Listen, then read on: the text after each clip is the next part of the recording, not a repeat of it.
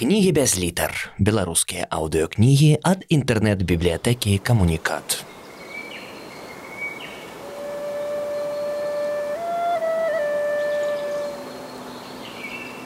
Андрей Федоренко с кошиком або гісторыя ненапісанай аповесці.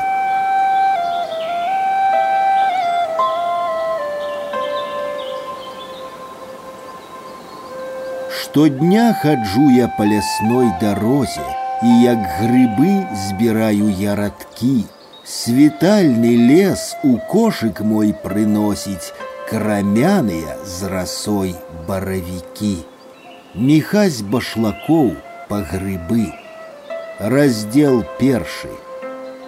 Помню, у далёкім, здаецца, яшчэ дашкольным маленстве была ў нас такая гульня не гульня, хутчэй першыя пробліскі, раннія парасткі будучай жыццёвай філасофіі. Гэта калі пыталі адзін у аднога, якая ў цябе наперадзе радасць. Недасведчаным тлумачылі, вось мяне, напрыклад, матка бярэ з сабою ў нядзелю на базар. Я ўвесь час думаю пра гэта, і мне шчасліва на душы. І ў кожнага адразу штось падобнае знаходзілася. Таму вуду абяцалі купіць, таму веласіпед, у іншага імяніны хутка.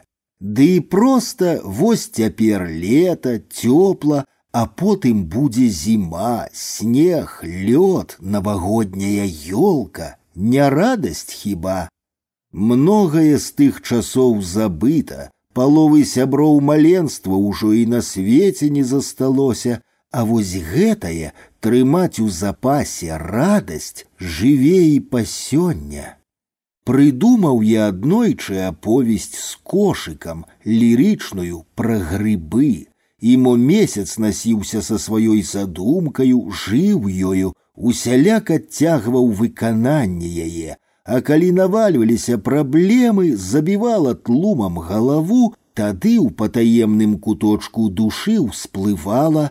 У цябе ж радасць наперадзе, у цябе ж цэлых дванаццаць недагуленых дзён адпачынку. Вось прыйдзе восень, з'явіцца вольны час, ляжа на стол сто з беленькай гладкай паперы, запоўніцца чорным ці сінім атрамантам ручка, за окном холодный дождь, ветер, а тут на кухне сухо, светло, утульно. Кубок гарбаты і пачак сухіх цыгарет, хвіліны шчасця. А наперадзе ж яшчэ радасць, калі белая, як нечапаны снег папера ператворыцца ў чарнавікі, Гэта значыць запоўніцца літарамі, спішацца ўздоўж і ўпоперак розначарнільнымі сказамі, асабліва дарагімі і важнымі тым, што іх потым зусім немагчыма расчытаць. Пакрыецца галачкамі ўставак. І тады ўключыцца кампутар і набярэцца гэты кароткі разам з тым ёмкі з падтэкстам загаловак з кошыкам. Ну и что, что тема не новая? Я постараюся не паўтарацца, і мне, зрэшты, як і кожнаму вясковаму беларусу, чыя добрая трэць жыцця так ці інакш звязана з лесам, знойдзецца, што пакласці ў свой у дадзеным выпадку літаратурны кошык. І ў мяне ёсць свае запаветныя, у дадзеным выпадку творчыя мясціны. Ды толькі чалавек мяркуе, а Бог распарадкуе. Нядоўга моя радасць, прачуванне блізкай любімай працы цягнулася.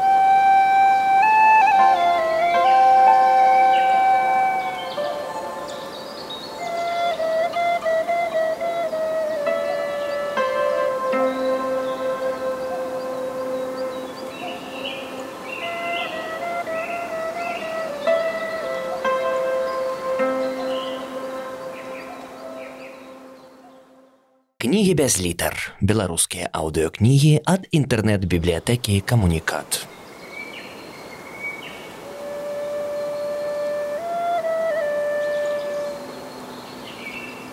Андрей Федоренко с кошиком. Раздел другі.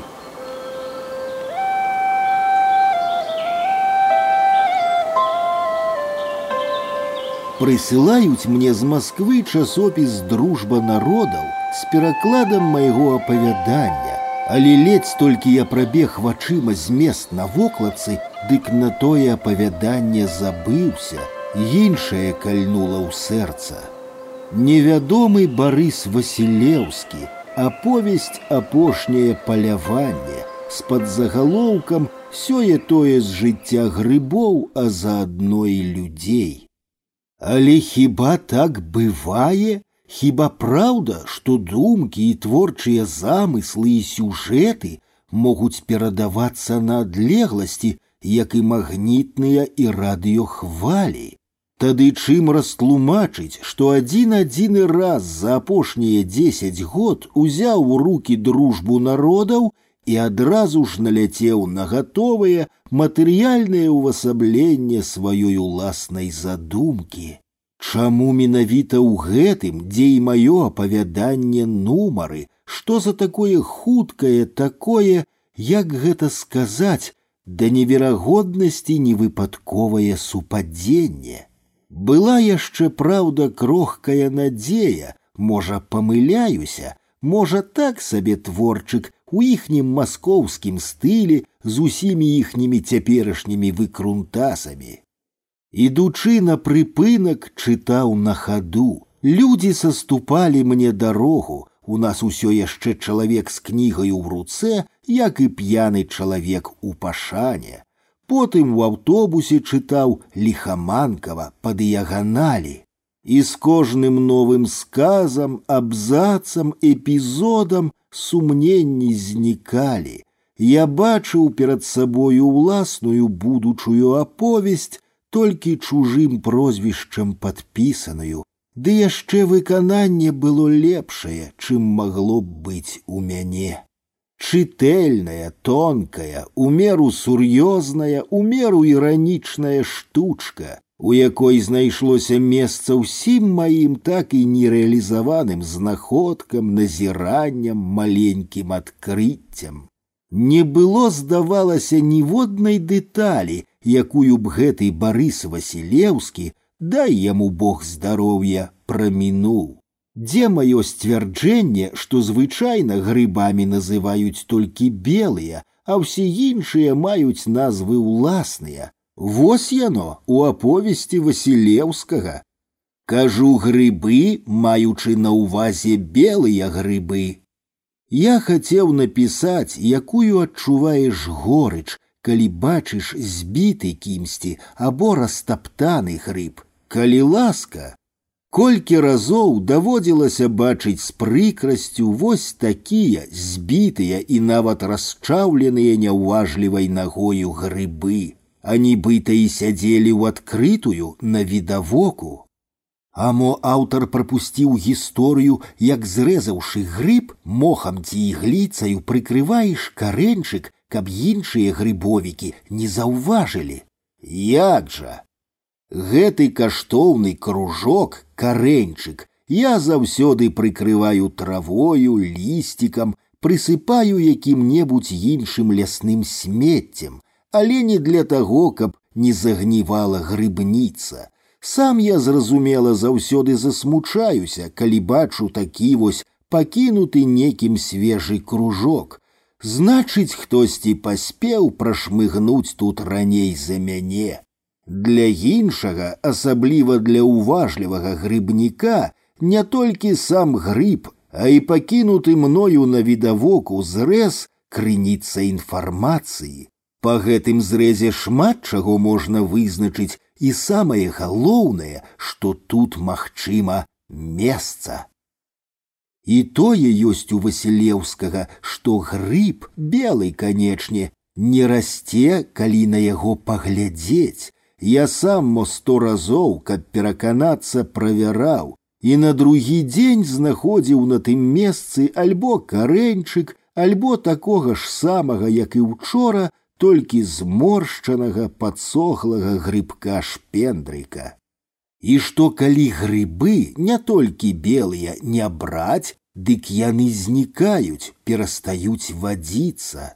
Так, у нашых мясцінах ніколі не раслі ў вялікай колькасці ні грузды, ні рудоўкі, рыжыкі, ні апенькі, не раслі таму упэўнены, што іх не браў ніхто. У апошнія гады пачалі браць, з'явіліся.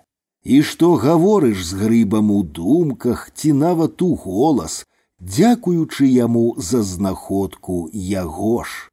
Я нідзе, акрамя сваёй мясцовасці больш не чуў, ні ў адным слоўніку не бачыў ні ўводнага пісьменніка не сустракаў слова грыбовік, толькі грыбнік.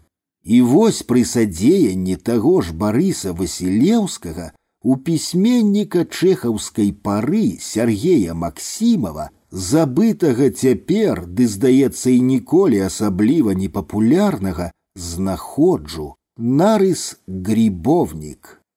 Гэта тое самае тлумачыць Васілеўскі, што ў нас цяпер грыбнік. Я да сваіх сорока гадоў зрабіў маленькае адкрыццё, праўда, з грыбамі звязанае ўскосна.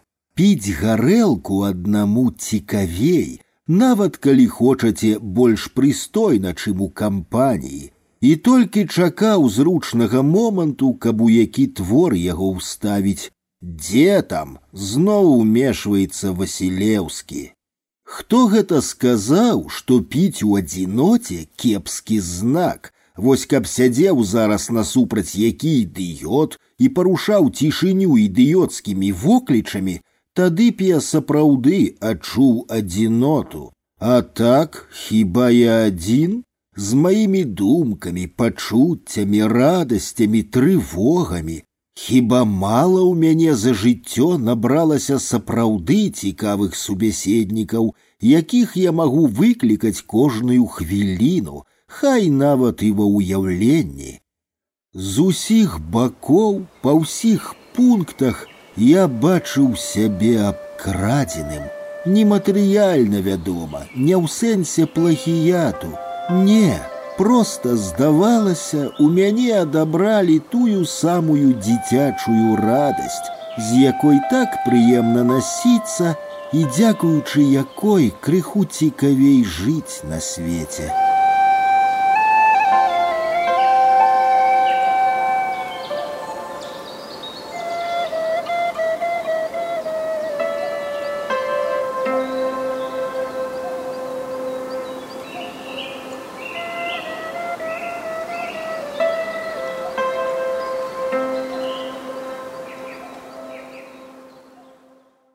Кнігі без літар. Беларускія аўдыёкнігі ад інтэрнэт-бібліятэкі камунікат.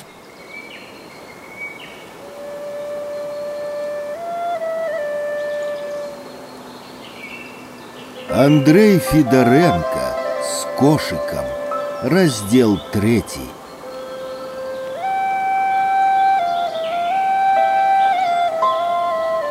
Разом з тым спакваля, як яно часта бывае, Па меры чытання ўжо расло, выспявала, афармлялася іншае, акрамя маленькай крыўды і не зусім маленькай зайздрасці пачуццё.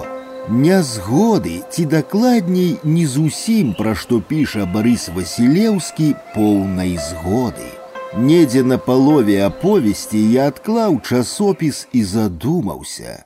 Мо таму, што прыйшло на розум чэхаўскае, 20 чалавек адначасова могуць пісаць на одну і тую штэму без боязі паўтарыцца, мо таму, што сам аўтар дарэчы лінуў вады на мой млын. Грыбная тэма невычарпальная, Яна з тых, калі кожнаму хочацца дадаць штосьці сваё. Сустрэнуцца два грыбнікі, выслухае адзін аднога і абавязкова скажа, А вось я аднойчы. І праўда, Колькі грыбовікаў столькі гісторый. Вось я, допустим, збіраюся зараз спрачацца з барысам Васілеўскім на той падставе, што ў нас інакш всё гэта. Пройдзе час пабачыць свет гэтае эсэ, знойдзецца каму і мяне аспрэчыць. Словам, я крыху асмялеў, асвойтаўся і вырашыў падаць і свой голас. Па-першае, пры ўсёй таленавітасці, шчырасці, сімпатычнасці твора апошняе паляванне, усё ж бачна, што пісаў чалавек, для якога грыбы найперш эстэтыка, летуценнасць, тумано, краса, траўка, лісток на грыбной шапцы, чаго варты адзін эпізод з мабільнікам. Вось і на гэты раз убачыў там, каля свайго лецішча, белы нікім не заўважаны грыб, Просто красун белы, даволі вялікі, але яшчэ малады, з выпуклым капялюшыкам, шакаладным зверху беласнежным з-пад нізу, з тоўстай ножкаю з танюткім сетчатым узорам на ёй, і рос прыгожа на самым версе купіны у гордай адзіноце сярод дробнай ярка-зялёнай траўкі. Што было рабіць, просто зрэзаць шкада. Дача знаходзілася за якіх сто метраў, там у гэты час была жонка. Ісці да яе рызыкоўна, хто-небудзь суседзяў запроста можа натыкнуцца на гэты грыб. І пакуль я раздумываў так у нерашучасці, раптам дайшло. У мяне ж мабільнік, і ў жонкі на дачы свой мабільнік, гэта дзеці нам расстараліся. Я патэлефанаваў ёй. Я каля копанкі прыходзь такі раскошны белы. Праз хвіліну жонка прыйшла, таксама, канечне, падзяліла маё захапленне. Я хутчэй з зайздрасцю, чым з іроніяй працытаваў гэты эпізод.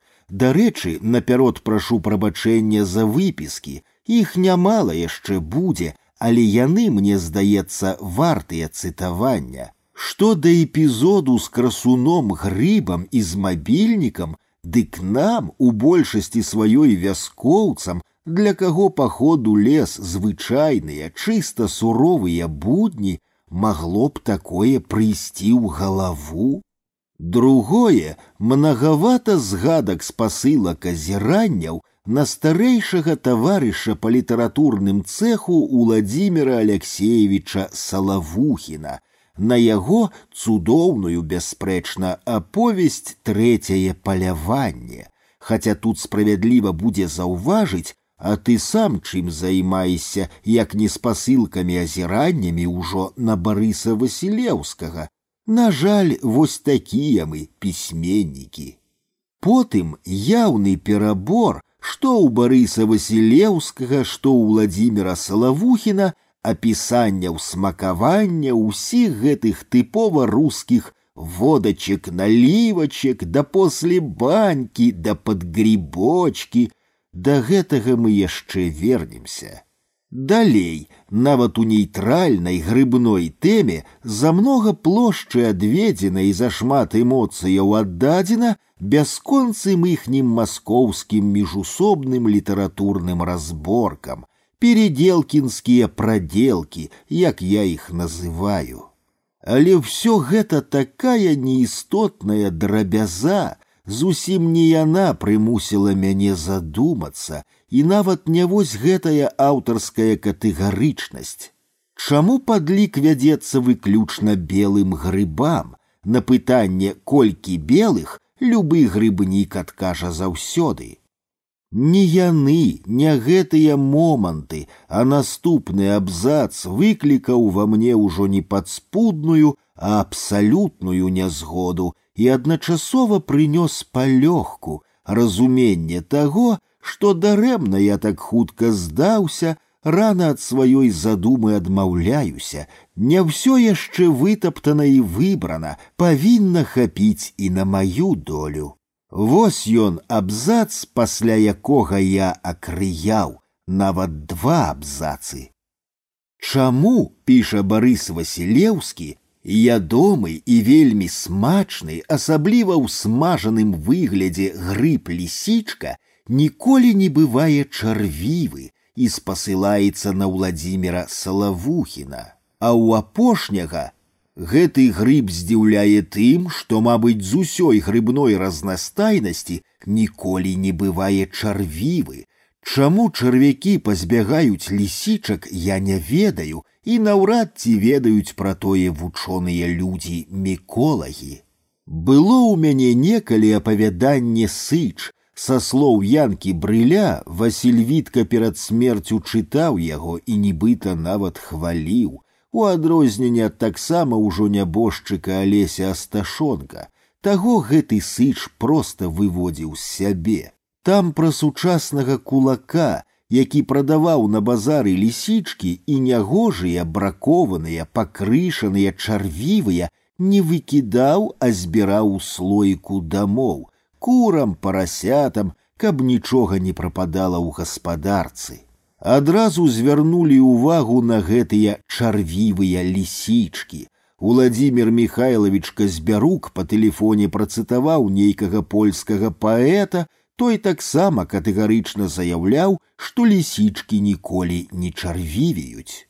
Дарагія рускія, беларускія і польскія спецыялісты чарвівіюць, сцвярджаю гэта не як вучоны міколах, а як практык. Усё правільна, чарвяк інакшы, чым, напрыклад, у баравіку. Гэты лісічкавы толькі адзін, жоўтага колеру з чорнай галоўкай, падобны на тых, якія мы знаходзім у яблыках і грушах, даволі вялікі і вельмі цвёрды, да таго, што з крыгіча патрапіўшы пад нож. Але ж ён ёсць і называецца чарвяк. Ён выядае, выточвае лісічку з сярэдзіны, як шашаль дрэва. Цэленькая і чыстая зверху, яна, калі яе падрэжаш, літаральна рассыпаецца ў пальцах. Тут трэба зрабіць одно адступленне. Катэгарычнасць такіх паважаных грыбовікаў у першую чаргу Уладзіміра Алексеевича Салавухіна прымусіла мяне яшчэ раз звярнуцца прынамсі да творчасці апошняга і перачытаць яго славутае трэцяе паляванне. І што вы думаеце, у зборы твораў гэта значыць у апошнім варыянце аповесці акурат пасля слоў пра лісічкавую чарвівасць адшукалася зорачка і пад ёю ўстаўка, якой у ранейшых выданнях не было. Чытач з горада волжскага прыслаў снок сшыбательнае паведамленне. Гэтым летам я ляцеў у вёску на крылах у прадчуванні грыбной насалоды, але надзеі мае не спраўдзіліся, за ўвесь адпачынак я не знайшоў ніводнага белага грыба. Ліпень быў спякотны, дажджоў не было, але і з пустымі рукамі не вяртаўся. Я знаходзіў тры-чатыры пасяленні лісічак, і валіска не была пустою. Вось толькі многія лісічкі былі чарвівыя. Прычына не ведаю, Магчыма, таму, што ў гэтай пасадцы яны былі адзінымі грыбамі. Як вы на гэта глядзіцё? На жаль, Уладзімир Алексеевич не піша, як на гэта паглядзеў ён, што да мяне, дык я гляджу на гэта з некаторай крыўдаю, асабліва на слова, якое не змог перакласці, а толькі вылучыў курсівам, сног сшибательнае, ніякае яно для нас беларусаў не сногсшибательнае. У інтэрв'ю ліму Іван Якаўлевіч Навуменка выказаўся пра згаданага ўжо сыча. Гэта ж жывы факт, недзе ўбачыў таго сыча такога сквапнага, заўсёды хмурнага. Ага, пісьменнік толькі тое і робіць, што бачыць, запамінае і апісвае. Нікому не даводзілася за савецкім часам у сёмым класе прадаваць на базары тыя ж лісічкі. Не, калі трымціць уся сярэдзіна ад сораму і страху, бо за падобны бізнес запросто можна вылецець са школы, тым больш, што амаль усе настаўнікі гарадскія і вельмі часта сюды на базарчык наведваюцца. Калі пакупнік псіхолог з аднаго пагляду раскусіў цябе, ведае, што не пікнеш ты і робіцца крыклівым, прыдзірлівым, нахабным, прынюхваецца да тых няшчасных лісіц, перабірае і абавязкова ж натыкнецца хоць на адну чарвяком паточаную. І тады альбо плакалі твае грошыкі, альбо мусіш напалавіну скінуць кошт, абы толькі ён не падымаў крык на ўвесь базар. А дома ў сваю чаргу гвалт, як можна ўмудрыцца замест дзесяці рублёў натаргаваць пять. Вось такіх не зусім вясёлых гісторыяў растуць сычы, а не з падглядвання чужога. І яшчэ, закрываючы тэму лісічак, успамінаю, як адвёў на іх душу ў апошняе перад чарнобыльскае лета, калі іх было хоць касою касі, а мала хто па іх хадзіў. За дзень-два набіраўся кашель, гэта добрыя два вядры. Матка яго за плечы да горада паўгадзіны язды аўтобус ходзіць рэгулярна. Прывязе назад поўна пакупак, каўбасы, свежага хлеба, селядцоў, плюс у мяне кожны дзень тры рублі на кішэнныя расходы, Гэта значыць на пляшку чарніла і пачак цыгарет, пры тым, што я тры месяцы пасля войска нідзе не працаваў. Цяпер, калі на іх нечакана пайшла мода, узнік такі попыт, ухопіш тую лісічку не на продаж сабе, каб паспытаць, выграбаюцца ў прамым сэнсе граблямі, выпорваюцца дручкамі, выдзіраюцца разам з мохам, верасам і грыбніцаю. Усё пастаўлена на шырокую нагу. У кожнай вясковай краме пункты скупкі ад вясны да восені шнуруюць туды-сюды на аўтамабілях па вёсках прыватнікі-перакупшчыкі. Свае палякі і нават немцы плацяць у тым ліку і валютаю. Ці то гэтыя лісічкі памагаюць ад радыяцыі, ці то ад раку, ці то з іх вырабляюць лекі ад сніду, ці то чытаў недзе, яны выкарыстоўваюцца ў прыгатаванні рэдкіх фарбаў. Ці то, і гэта на маю думку сама бліжэй да праўды, яны проста смачныя і падабаюцца еўрапейцам. Законнае пытанне, хто іх гэтыя лісічкі ў цяперашняй вёсцы бярэ і здае, калі там ужо і людзей амаль не засталося, Па-першае, гарадскія лісічнікі, якія на гэтым спецыялізуюцца.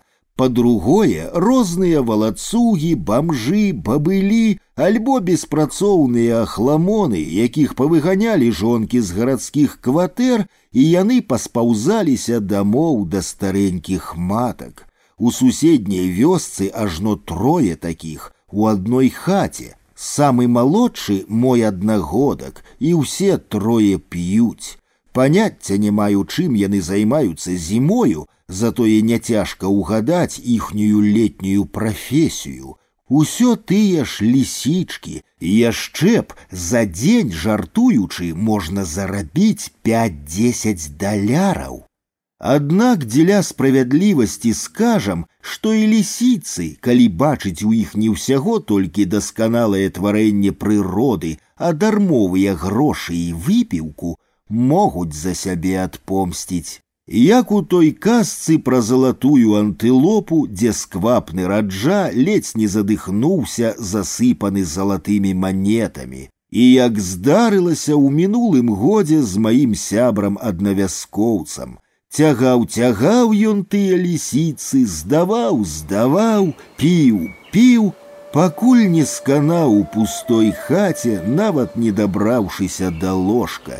Так і акалеў, стоячы на коленцах галавой на пастелі. Побач на падлозе жаўцелі рассыпаныя лісічкі, як залатыя манеты, выбітыя капытцам казачнай антылопы.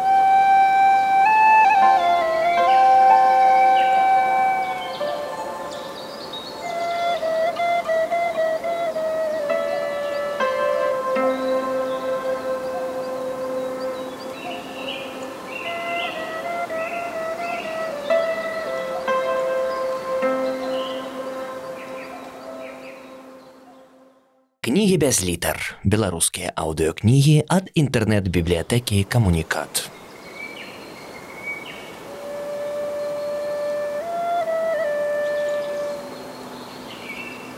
Андрей Федоренко с кошиком. Раздел четвертый.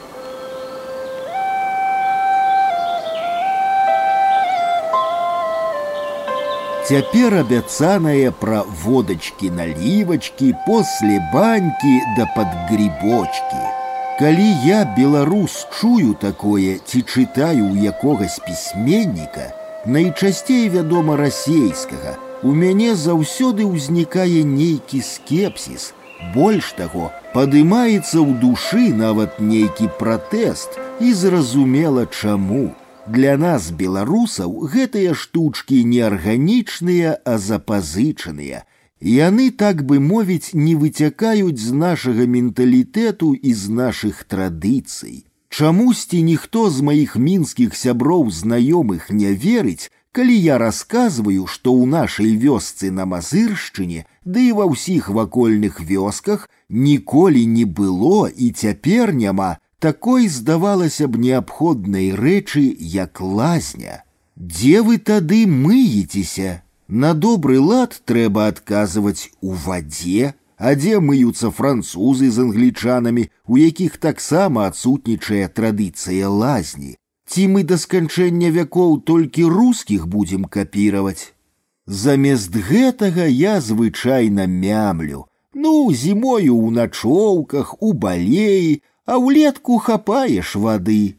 И каб прыхаваць ніякаватасць, каб показать, что я и сам со своих темных некультурных земляков посмехаюся, рассказываю вядомы анекдот. Ганна, дзе ты мыешься? У копанцы, а зімою, а колькі тае зімы. Гэта раней я так рабіў, але паступова, распытваючы людзей, ураджэнцаў розных куткоў Беларусі, чытаючы кнігі, я прыйшоў да высновы, што моя мазыршчына зусім не нейкі вырадак у сям'і. Акрамя памежных з рассіяю рэгіёнаў, гомельшчыны, да якой мазыршчыну не адношу, віцебшчыны і магілёўшчыны, на ўсёй астатняй тэрыторыі Беларусі, а гэта падаўляючая большасць, ніякіх лазняў не было ў паміне не бярэм выключэнні у любой мясцовасці заўсёды знойдзецца дзівак як правіла не тутэйшы прышлы які ўвесь час адмочвае розныя незвычайнасці то пасадзіць под вакном пальму то завядзе стравусаў то пабудуе лазню масавай з'явай гэта рэдка становіцца Успомнім, чым заняты мележаўскі міканор, вярнуўшыся з войска ў свае курані, не грэбляю, лазню, лазню будаваць трэба. У новай зямлі Якуба коласа, якая справядліва лічыцца энцыклапедыяй беларускага жыцця пра мінулага стагоддзя, можна знайсці ўсё, што душы заўгодна, не забыты драбнюткія побытавыя дэталі, у тым ліку ёсць і цудоўныя радкі пра грыбы. Ранюткі час, нідзе нікога, між дрэў звіваецца дарога, а па дарозе ты з кашом у лес шыбуеш ціхачом, каб шукаць жанок руплівых, бяссонных, вечна клапатлівых, ім на злосць, на зайздрасць тую, набраць грыбоў капу другую, пакуль агледзяцца яны, што там карэньчыкі адны. Але калі вы адшукаеце там хоць згадку пра лазню, першы вас павіншую і пастаўлю сто грамаў. Здавалася б, такі рытуал, такая ўдзячная тэма, такі размах для коласаўскага пяра, столькі гэта магло б даць дум і натхнення паэту, Аднак жа лазні месца ў геніяльным творы не знайшлося. Увогуле, калі не памыляюся, гэтая тэма прыйшла ў нашу літаратуру толькі разам з Максімам Гарэцкім. Тут не варта ні здзіўляцца, ні засмучацца, ні тым больш саромецца, як не засмучаюцца і не саромеюцца французы, чаму не апеў лазню расін альбо англічане, Чаму не зрабілі таго самага Шекспір з байранам? У адсутнасці лазневай традыцыі няма ні кепскага, ні добрага, проста як ёсць, так ёсць. І можа, дарэмна наш міканор так ужо ўбіваўся па той лазні. Напэўна, не горш за яго ведалі продкі, што ім трэба ў першую чаргу рабіць, як мінімум былі не дурнейшыя за нас, хоць бы таму, што спарадзілі нас такіх разумных. З беларускімі, асабліва на поўдні, сапраўды не такімі ўжо доўгімі і не такімі суровымі зімамі, з працяглай цёплай парою, калі паўсюль поўна рэчак, азёр, копанак, ці была ў тых лазнях вялікая патрэба. І наадварот, калі б прыродныя, кліматычныя, этычныя, ментальныя якія хочаць і іншыя патрэбы паставілі перад неабходнасцю збудавання хаткі без вокон з гарачымі камянямі, на якія трэба ліць ваду, ніякага сумнення, што каля кожнай, нават самай занядбанай беларускай хаты з незапомных часоў тулілася б акуратная лазнічка. Абяцаў пра грибкі пад водачку, а перакінуўся на лазні, Аднак тут прамая сувязь, раз не ў нашай традыцыі было заводзіць лазні, дык натуральна адсутнічалі і спадарожныя атрыбуты гэтага. Гэта значыць, не было патрэбы ў вострасалёных закусках, ды і самой водачкі, калі на тое пайшло не было. Была жытняя гарэлка, удвая, а то і ўтрая за водку мацнейшая, і яе грибочкамі не надта закусіш. Тут трэба сала, мяса, каўбаса. Нашы продкі яўна не належалі да грыбных гурманаў. Большасць блюд, што мы чытаем у разделах кулінарных кніг па беларускай кухні, звязаных з грыбамі. Плод фантазіі складальнікаў прашу паверыць. Ну, у суп пакласці некалькі сухіх баравікоў, ну, мачанка грыбная пару раз на год, бульон з ранніх сыраежак, патэльня смажаных таксама першых лісіц. У лепшым выпадку на каляды адкрыць слоік марынаваных малюсенькіх белых грыбкоў або зялёнак або маслякоў. Усё, уся беларуская нацыянальная грыбная кухня і ніякіх делікатэсаў, ніякіх фаршыраваных грыбамі яек прыдумаць жа такое ніякай грыбной ікры ніякіх мачэнняў і саленняў ды і ў чым саліць бочки дзежкі вываркі ражкі цэбры Усё занята падважнае, сапраўды неабходнае, ад чаго больше, чым ад грыба наедак, сала, мяса, гуркі, капуста, квас бярозавы, слоікі под памідоры, яблыкі, грушы, слівы, розныя варэнні. Яшчэ не хапала на забаўку тару пераводзіць. Канечне, узнікне вядомы скепсіс, калі, напрыклад, паслухаць таго ж Уладзіміра Алексеевича Салавухіна, што, маўляў, трэба казаць не рыжыкі, а ласкальна памяншальна рыжычкі. Ды ў нас не тое, што рыжычкі, Просто рыжики ніхто не скажа, рудоўкамі іх у нас завуць. Вось вам яшчэ штрых, які падкрэслівае паблажлівасць беларуса да мочана салёных, лёгкіх закусачных грыбоў. Дастаткова параўнаць пяшчотна саладжавыя рускія грусть, валнушка, рыжык з нашымі груст, ваўнянка, рудоўка, ізноў неверагоднае да невыпадковасці супадзенне. Пішу зараз гэтыя радкі, а па радыё даўняя песня здаецца п'ехі з прыпевам руды грыб, а па-рускі рыжык.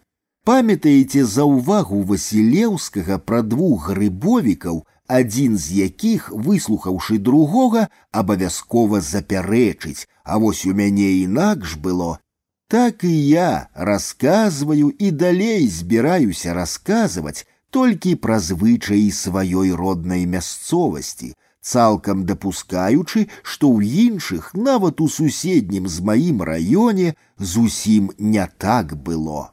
Патрапіў я аднойчы да сябра на астравеччыну, і калі ўбачыў, як гэтыя рыжыкі рудоўкі растуць, якія яны прыгожыя, як з імі пашанотна абыходзяцца, Калі паспытаў іх, я, лясны чалавек, упершыню за 38 гадоў жыцця смажанымі на патэльні, а потым у мінску салёнымі, Ды што тут многа гаварыць, зразумеў словам, колькі было страчана ў вечнай пагоні толькі за грыбам белым. Як ён гэты белы засланяў сабою белы свет.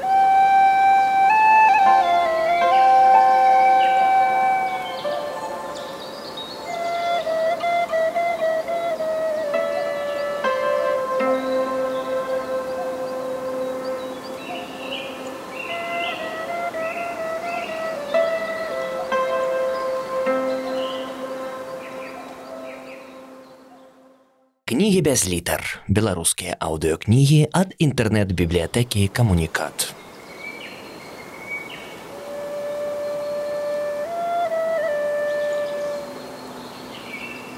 Андрей Федоренко с кошиком. Раздел пятый.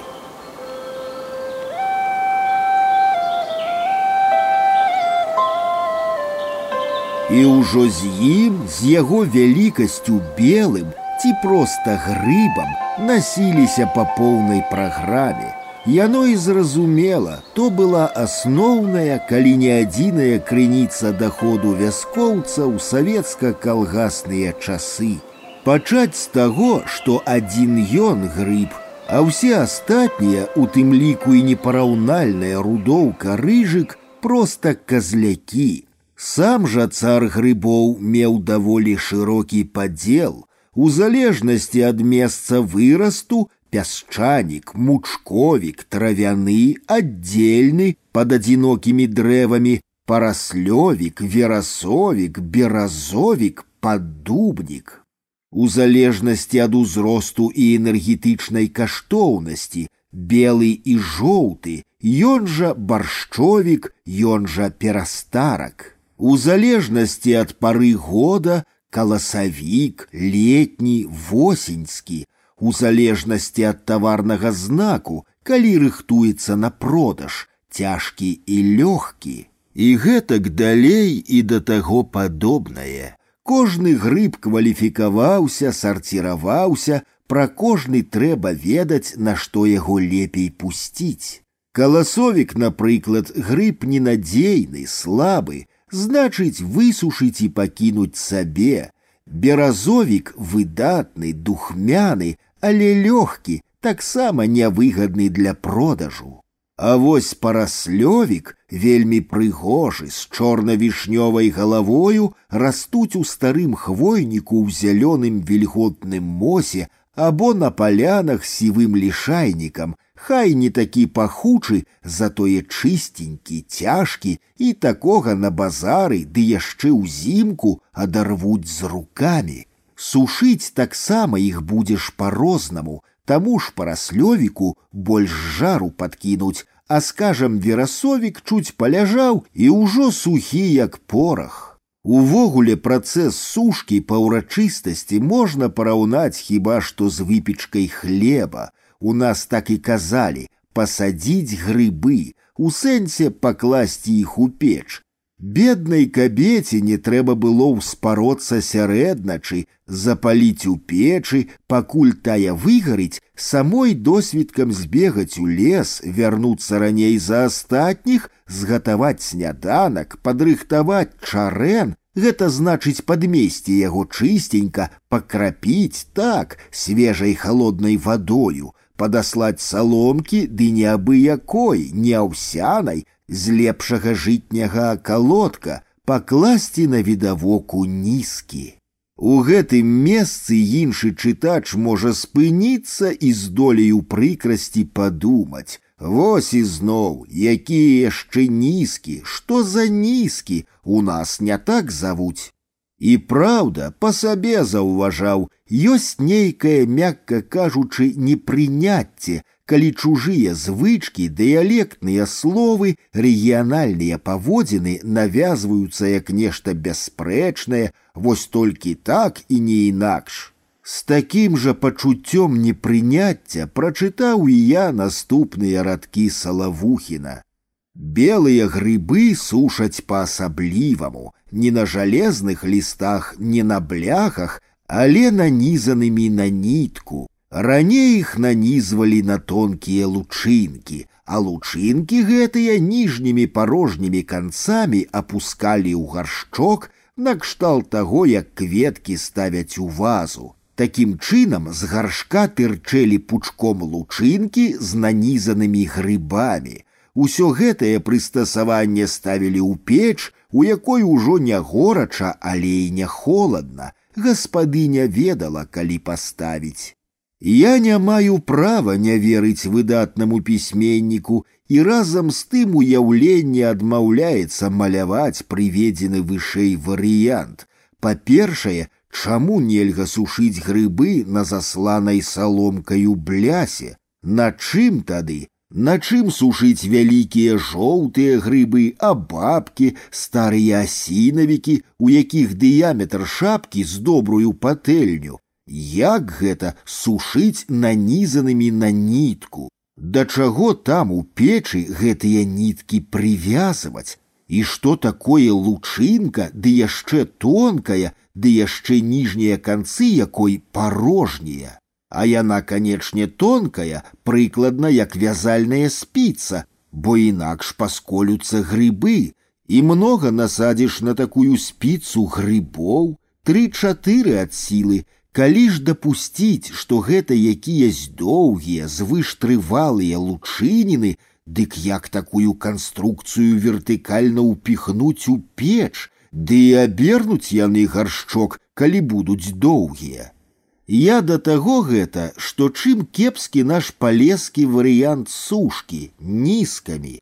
Нізкі гэта пасечаны на кавалкі ад паўметра да метра даўжынёй сталёвы дрот. Старыя вялікія грыбы, як ужо казалася, на бляху, маладыя па росту ад большага да меншага панізаць на гэты дрот. І ніякай вертыкалі, просто кладзі іх на акропленую вадою салому. Калі грыбы высохнуць, у іх ужо будуць гатовыя дзірачкі, неабходныя для іголкі з суровай ніткаю. Але вось наступны салавухінскі пасаж, разумеючы пэўную мастакоўскую перабольшанасць, Тым не менш тут я цалкам з пісьменнікам згодны і шкадую, што не я гэта напісаў. На кожным базары можна ўбачыць гандлярак сухімі белымі грыбамі. Калі перакласці на вагу, дык сушаныя белыя грыбы атрымаюцца ў шмат разоў даражэйшыя і за мяса, і за рыбу, і за самую экзатычную садавіну, і за мёд, і за арэхі, і за ўсе харчы бадай, нават даражэйшыя за чорную ікру, нягледзячы на тое, што яна цяпер у нас неверагодна дарагая. Усё правільна, 40-50 рублёў на тыя грошы за кілаграм, а за лета можна было нанасіць ад 5 до 10 кіляў, асабліва ў каго вялікая сям'я, не шкадавалі на грыб ні сілы, ні часу, вазіліся з ім, нянькаліся з ім, адплачваў і ён узаемнасцю, машины, кооперативные кватэры, мотоциклы, велосипеды, адзенне, ежа, на ашчадную кніжачку на чорны дзень. Усё гэта расло ў лесе под ногами.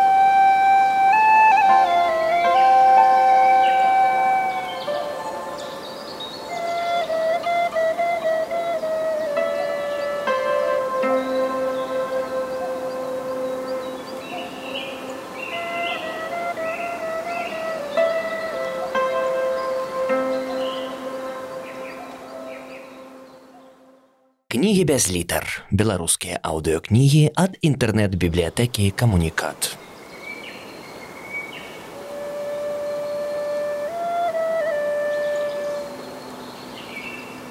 Андрей Федоренко с кошиком. Раздел шосты.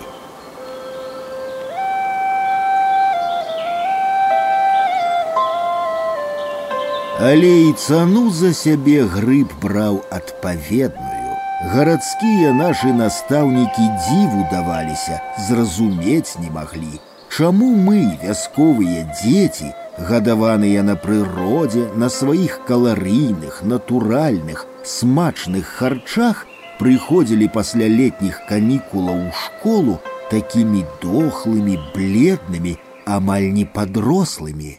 Адкуль ім было ведаць, што як з тых караленкаўскіх дзяцей падзямелля сыры падвальны камень высмоктаваў сокі, сілы і здароўе, так з нас лес, што з самага пачатку школьных гадоў ад першага класа і да апошняга мы потрапляем у ледзь непрыгонную залежнасць ад яго, становімся ледзь не яго рабамі. Ягоды, чорныя маліны, суніцы, буякі, брусніцы, ажыны, рабіна, каліна, журавіны, лупленне кары, скрушыны і лазы, Бог дасць калі-небудзь напішу і пра гэта, бо ні ў кога яшчэ такой тэмы не сустракаў хваёвыя шышкі, а таксама хваёвыя лапкі. Была колись і такая нарыхтоўка. Іх гэтыя лапкі перамолвалі і дадавалі ў камбікорм. Бярозавыя і хваёвыя пупышкі, зграбанні ігліцы, на прызбу, каб уцяпліць на зіму хату, і дранё балотнага моху канапаціць шчыліны ў гаспадарчых прыбудовах нарыхтоўка дроў перманентна круглы год. Але галоўнае, канечне, грыб, грыб і грыб. Лес наша багацце, летні дзень год корміць, загадка стаіць пры дарозе капялюш на бакір, хто ўбачыць паклон дасць. Любімыя, добрыя, наіўныя настаўнікі напаўняючы нас падобнымі сентэнцыямі, вядома і не здагадваліся, што мы маглі ўкладваць у іх крыху іншы і далёка не рамантычны сэнс. Грыбная пара нядоўгая, сёння яны ёсць, а заўтра зніклі, Таму трэба карыстацца момантам хутчэй, часцей, раней, каб апярэдзіць іншых, каб пабольш ухапіць. Менавіта так і пыталі, ці многа сёння ухапіў. У любое надвор'е ва ўсякай прыгодзе, ва ўсякую пору, як пісаў наш класік Янка купала, хочацца табе ці не, здаровы ты або хворы нікога не калыша. Будь ласка, кошык у зубы і наперад, пад цёмныя хвойныя шаты. Да школы гадоў да сямі была яшчэ сякая такая вольніца, Прынамсі рана не падымалі і далёка з сабою не бралі, але ў дзень хоць на гадзінку, хоць блізенька, каб прывыкаў, каб вучыўся. І колькі ж тады радасці было, колькі зайздрасці да вялікіх, старэйшых братоў і сясцёр, і колькі неўразумення, чаму яны не адчуваюць свайго шчасця, чаго бурчаць сярдзітыя, на што злуюцца. Гэта ж так здорава самому хадзіць у лес па грыбы. Хутчэй, хутчэй быў першы клас, а гэта аўтаматычны дазвол своеасаблівы пропуск у лес. Хай спачатку разам з дарослымі, не адыходзячы ад іх, затое потым у трэцім, чацвёртым класе ужо і самастойна. Гадкоў чатыры ад сілы пяць мне было, пару мясцін блізенька каля вёскі ўжо трохі ведаў, што мне аднойчы цюкнула ў галаву, з якога такога перапуду, але раз увечары, калі нікога не было дома, раптам схапіў аберуч вядзерца і сцежкаю ў траве, трава высокая, мяне і не відаць у ёй, бягом у лес. Там і адлегласць 500 метраў, але для малога ды аднаго, ды на ноч гледзячы цэлае падарожжа, поўнае розных цікавасцяў і небяспек. Смешна не гэта, а тое, што не паспеў я забегчы ў лес на знаёмую блізенькую палянку, як пад першымі ж хвоямі убачыў грыба. Ды не аднаго, тры штукі побач, ды якія ростам мне па калена. Я іх з карэннямі павыварочваў, я іх у вядзерца, а яны не ўмяшчаюцца, а яны выпадаюць. Бяда, а тут цямнее, а дома ўжо канечне пярэпалах, сяк так аднаго пад паху, другога ў вядзерца, трэцяга за пазуху, данёс. І хоць уляцела ад маці, затое доўга потым хадзіў героем вёскі. Хіба мог тады падумаць, як хутка гэтая грыбная цяга зменіцца прымусам, гэтая зайздрасць да самастойнасці старэйшых ператворыцца ў панылае выкананне абавязку. Цемраць перадсвітальны час самая пара, калі спіцца, сама тыя гады, калі расцеш у сне, дзе там ужо катурхаюць, Уставай, сынку, памалу. У вушах звон, у вачах мухі, звыклая не ў аднаго мяне, а ва ўсіх нас тадышніх з'ява. Одну калашыну нацягнеш, а на другой замарочыцца ў галаве, затуманяцца сном мазгі і брык з табурэткі. Нічога страшнага падымуць, адзенуць, у хаце цёмна, а на вуліцы цямней. У нас яшчэ вёска такая, што ў які бок не пайдзі, трэба пераходзіць адну і тую ж рэчку, дзе па кладках, дзе ў брод. Разуешся кеды ў руки, раса як лёд, холодная, холодная, вода як сырадой, цёплая, цёплая. Да падзем бывала са старэйшым братам да жаданай грыбной мясціны, ну цёмна хоць вока выкалі, нават сабакі яшчэ не гаўкаюць, нават пеўні не спяваюць. Паляжам на сырую адрасы іх ліцу, прытулімся спіна да спіны, але які там сон, і холодна, і камары, і птушкі раннія, не спіцца ж ім дурным, іх жа ніхто рана не будзіць. Толькі прымосціся ўжо і развіднее патроху без сонца. Даходзіла да бунту, хто вінаваты ў тым, што мы не высыпаемся, грыбы, а раз так трэба ім за гэта помсціць, знішчаць іх. Старэйшы за мяне на пяць гадоў брат такое прыдумаў. І вось ён першанькі прабіўся з-пад бярозавага лісця, свежы, бадзёры, умыты расою, ашаломлена радасны ад сваёй, хай і нядоўгай прысутнасці ў свеце Божым. Чаві! ціха скамандаваў брат. Чаві! працадзіў праз зубы. Я падняў над грыбам нагу, з нейкім жывым піскам, з нейкім перадсмяротным усхліпам, адзін з самых дасканалых шэдэўраў прыроды пад падэшваю кеда ператварыўся ў месіва, і ў той жа момант нешта змянілася вакол. Сонца знікла, раса высохла, лес пацямнеў, фарбы пабляклі зашапацела, прадказваючы бяду сваімі лісткамі асіна. Так будзеш рабіць з кожным. Праз гадзіну сышліся, у аднаго і ў другога амаль поўныя кошыкі, у вочы адзін аднаму не пазіраем. Многа начавіў, шэсць схлусіў я. Малайчына, я таксама дзесяць. Схлусіў у адказ брат.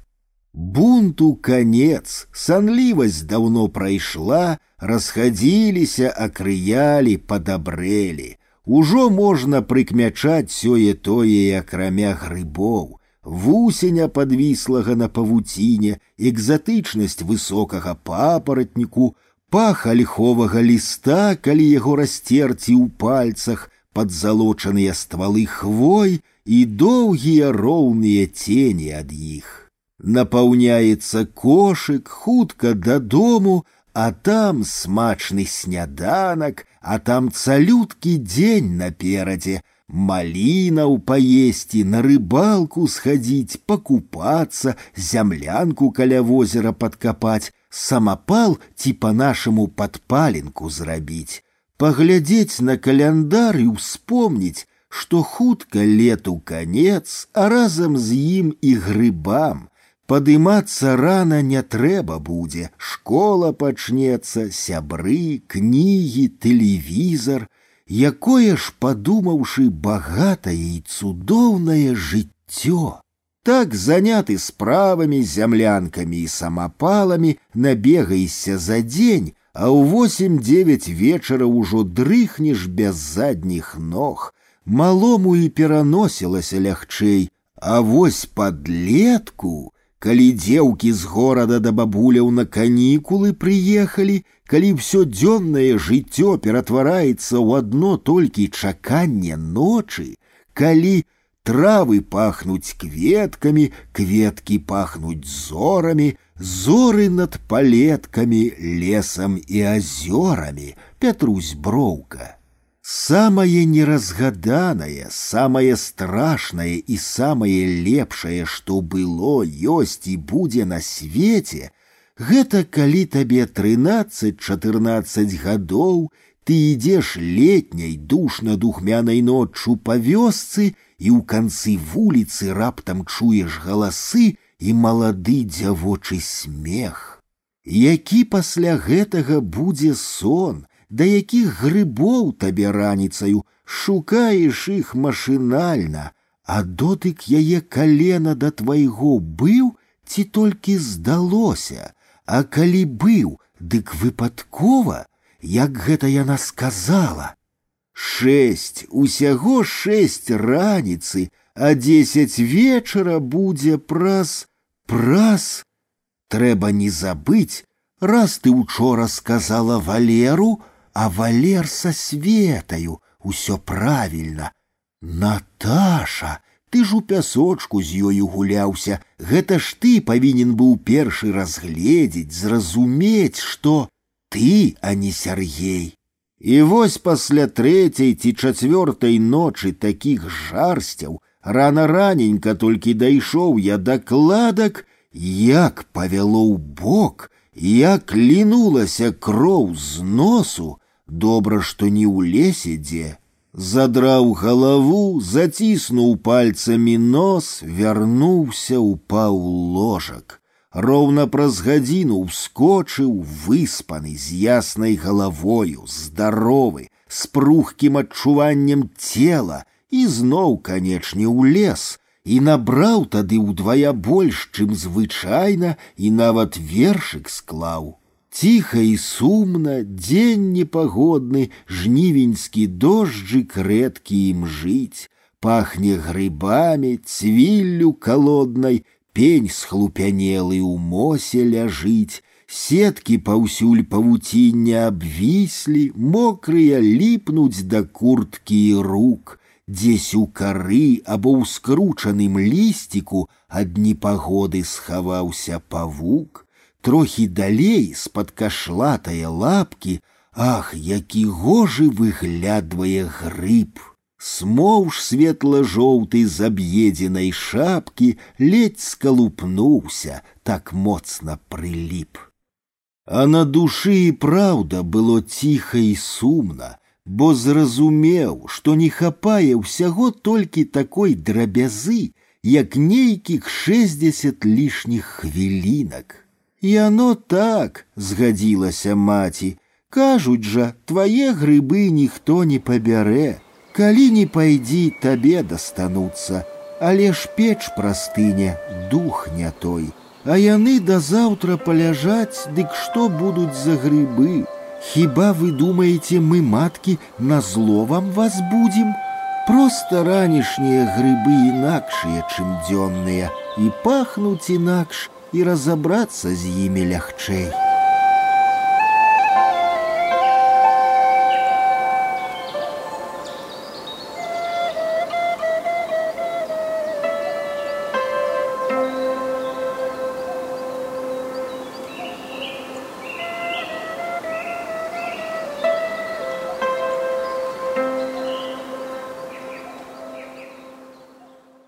Кнігі без літар. Беларускія аўдыёкнігі ад інтэрнэт-бібліятэкі камунікат.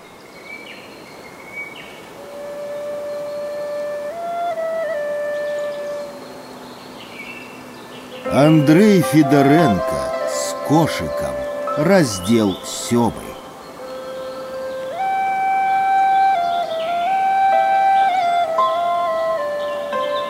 Браў яшчэ і як браў грыб сваю даніну, нявыспанасцю, здароўем, вольным часам, адсюль, мабыць, і гэтае дваякае да яго стаўленне, павага, шанаванне, замілаванне з аднаго боку і ледзь не пагарда з другога, падспуднае жаданне выбавіцца з-пад улады яго, адносіны да яго як да неадухоўленага эксплуататара. Каротенькі паказальны выпадак. Вяртаюся я аднойчы з грыбоў і прычапляецца да мяне гарадскі грыбовік. Прадай хоць дзясятак самых горшых даю 20 копеек за грыб. І дастае два рублі, і ўсё гэта вельмі сур'ёзна, а вакол глухі лес, у адной руцэ ў яго нож, у другой грошы, а на зямлі паміж ног пустое вядро. Я не столькі спалохаўся, колькі разгубіўся. Няўжо ён не разумее, што такое не прадаецца, Як не прадаецца усмешка, кропля расы, сонечны прамень ці кавалачак туману.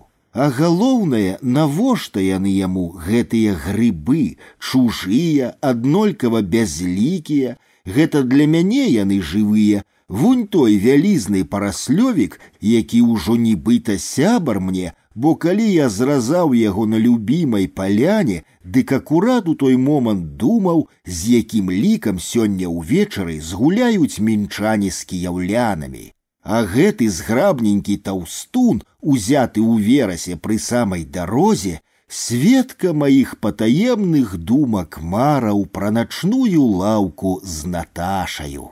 І гэта іх, маіх сяброў, часцінкі сябе трэба аддаць у абмен на дзве пакамечаныя жоўценькія паперкі? Я не разумеў дзядзьку, а ён мяне, так і разышліся, Лепш сказаць, я адзін пайшоў, адчуваючы спінаю, што ён стаіць і пазірае мне ўслед. Ну і дурны, рэзюмавала, выслухаўшы маці. Куплялі, дык прадаў бы, яны і сухія мо столькі не каштуюць, колькі ён даваў, дык яшчэ клопату зімі, а сабе б вярнуўся ды зноў набраў. У школе нас вучылі адным прымаўкам, напрыклад, такі смачненькі грыбок так і просіцца ў раток. А ў рэальным жыцці мы чулі іншыя. Чаму іх воўк не есць, калі яны такія смачныя, дык воўк мяса шукае.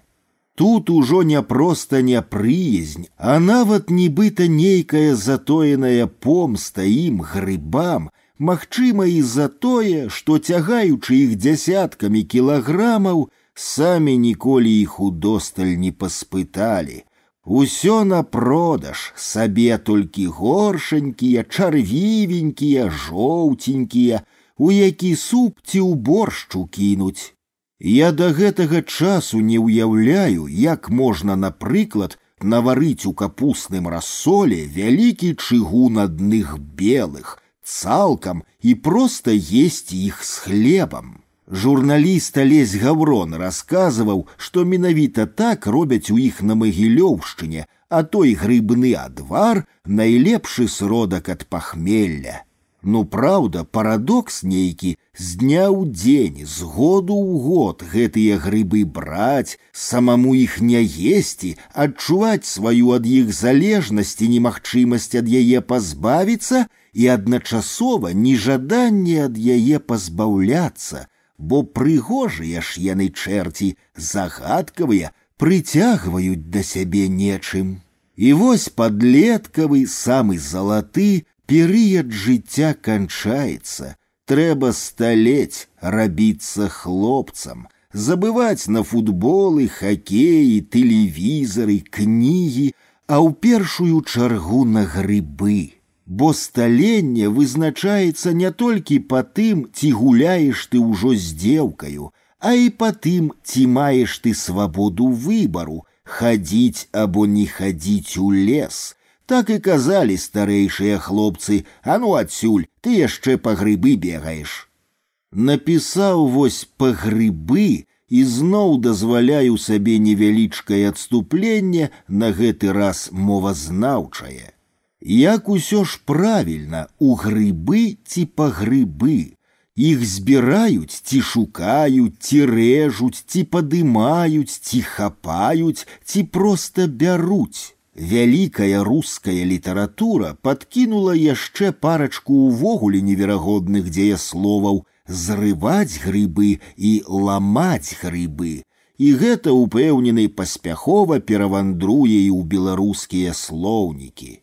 Мо таму, што моя мазыршчына заўсёды была ізаляваная ад вялікага свету, мо з іншае прычыны, але ў нас бадай як нідзе на беларусі арыгінальнае да роднай мовы стаўленне гаварыць як хочаш абы не па-кніжнаму не пограб а поргаб не мухамор а махамор не чарвівы а чарлівы не скарбонка а шкарбонка не велосипед а лісапета Дарэчы, калі я купіў аднойчы веласіпед сумеснай беларуска-італьянскай вытворчасці і прачытаў у інструкцыі біцыклетта, дык быў прыемна здзіўлены і жаночым родам гэтай біцыклеты і падабенствам гучання. Фильтрация слова у нас жорсткая, любы адыход ад мясцовых правілаў караецца бязлітасна, асмяяннем, перакрыўляннем, мянушкаю, и не дай вам Бог хоть выпадкова назвать грыб книжным боровиком, ти сказать у грыбы за место погрыбы. Я не апраўдваю гэта, не ідэалізую, просто адзначаю як факт, але ў адным выпадку згодны са сваімі землякамі на сто процентаў. Правільней ўсё ж казаць не ў грыбы, а па грыбы і не збіраюць іх, як і ягады не збіраюць, а бяруць. Бо каб збіраць, дык трэба, каб было рассыпана, тады ж іх да слова можна і падымаць, калі яны ў адным месцы і ўсе адразу перад вачыма. Спачатку мы ідзем у лес, а там ужо выбіраем па, што мы прыйшлі. Не кажам жа мы пайду ў краму ў хлеб. У грыбы або ў ягады можна зашыцца, залезці, забрацца, як і ў сена, у маліннік, у глушэчу лесу. Можна дапусціць, што якісь дурны вужык залез у грыбы, у прамым сэнсе у сярэдзіну кошыка з грыбамі, ці аса заляцела ў слоік з ягадамі, злятала ў ягады. Тут, мабыць, варта кіравацца не столькі граматычным правілам, колькі элементарнай логікай. Калі мы выпраўляемся кудысьці з мэтаю раздабыць штосьці і прынесці дадому, тады па што мы ідзем? У краму ідуць па тавар, у лес па грыбы.